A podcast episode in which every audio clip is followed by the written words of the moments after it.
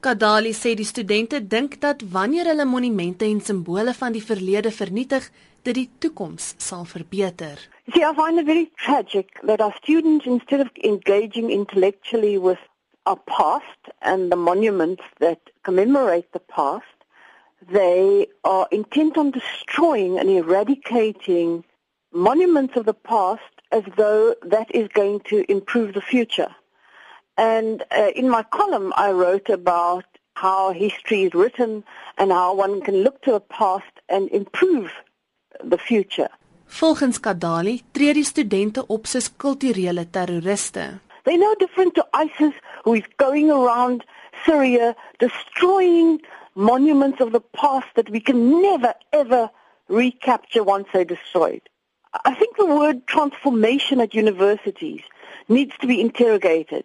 Professor Willem Makgoba was appointed to UKZN to transform that university. He so messed it up that today UCT's white professors are being dispatched to clean up that place.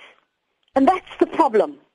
Under the guise of transformation, we are destroying traditions and culture and symbols, whether we like them or not. But these are symbols that remind us of where we come from and who we are.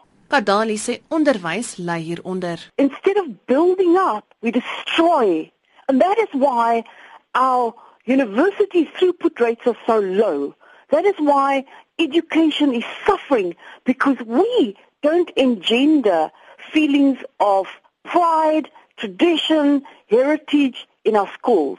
Now when I went to school, we had a school song and we had sports events at our school where we all belonged to a house and a color and a tradition. These are the things that really build a nation. But if we're going to destroy all our cultural symbols and values of the past, there will be nothing left to celebrate.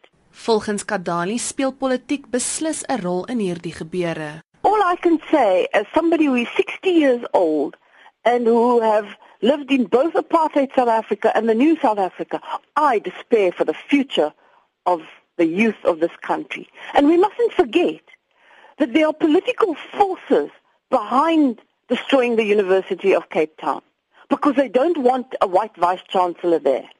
And I am saying that the media and the politicians are not blameless in what is going on there. And that is why increasingly I feel that I no longer have a place in this country. I no longer have a voice that matters in this country because people do as they wish. And we who have the power just given to mob rule, to thuggery, to young people who see no future because they don't grapple with the past. Dit was die aktivis en rubriekskrywer Rhoda Kadali. Ek is Dianke Nel in Johannesburg.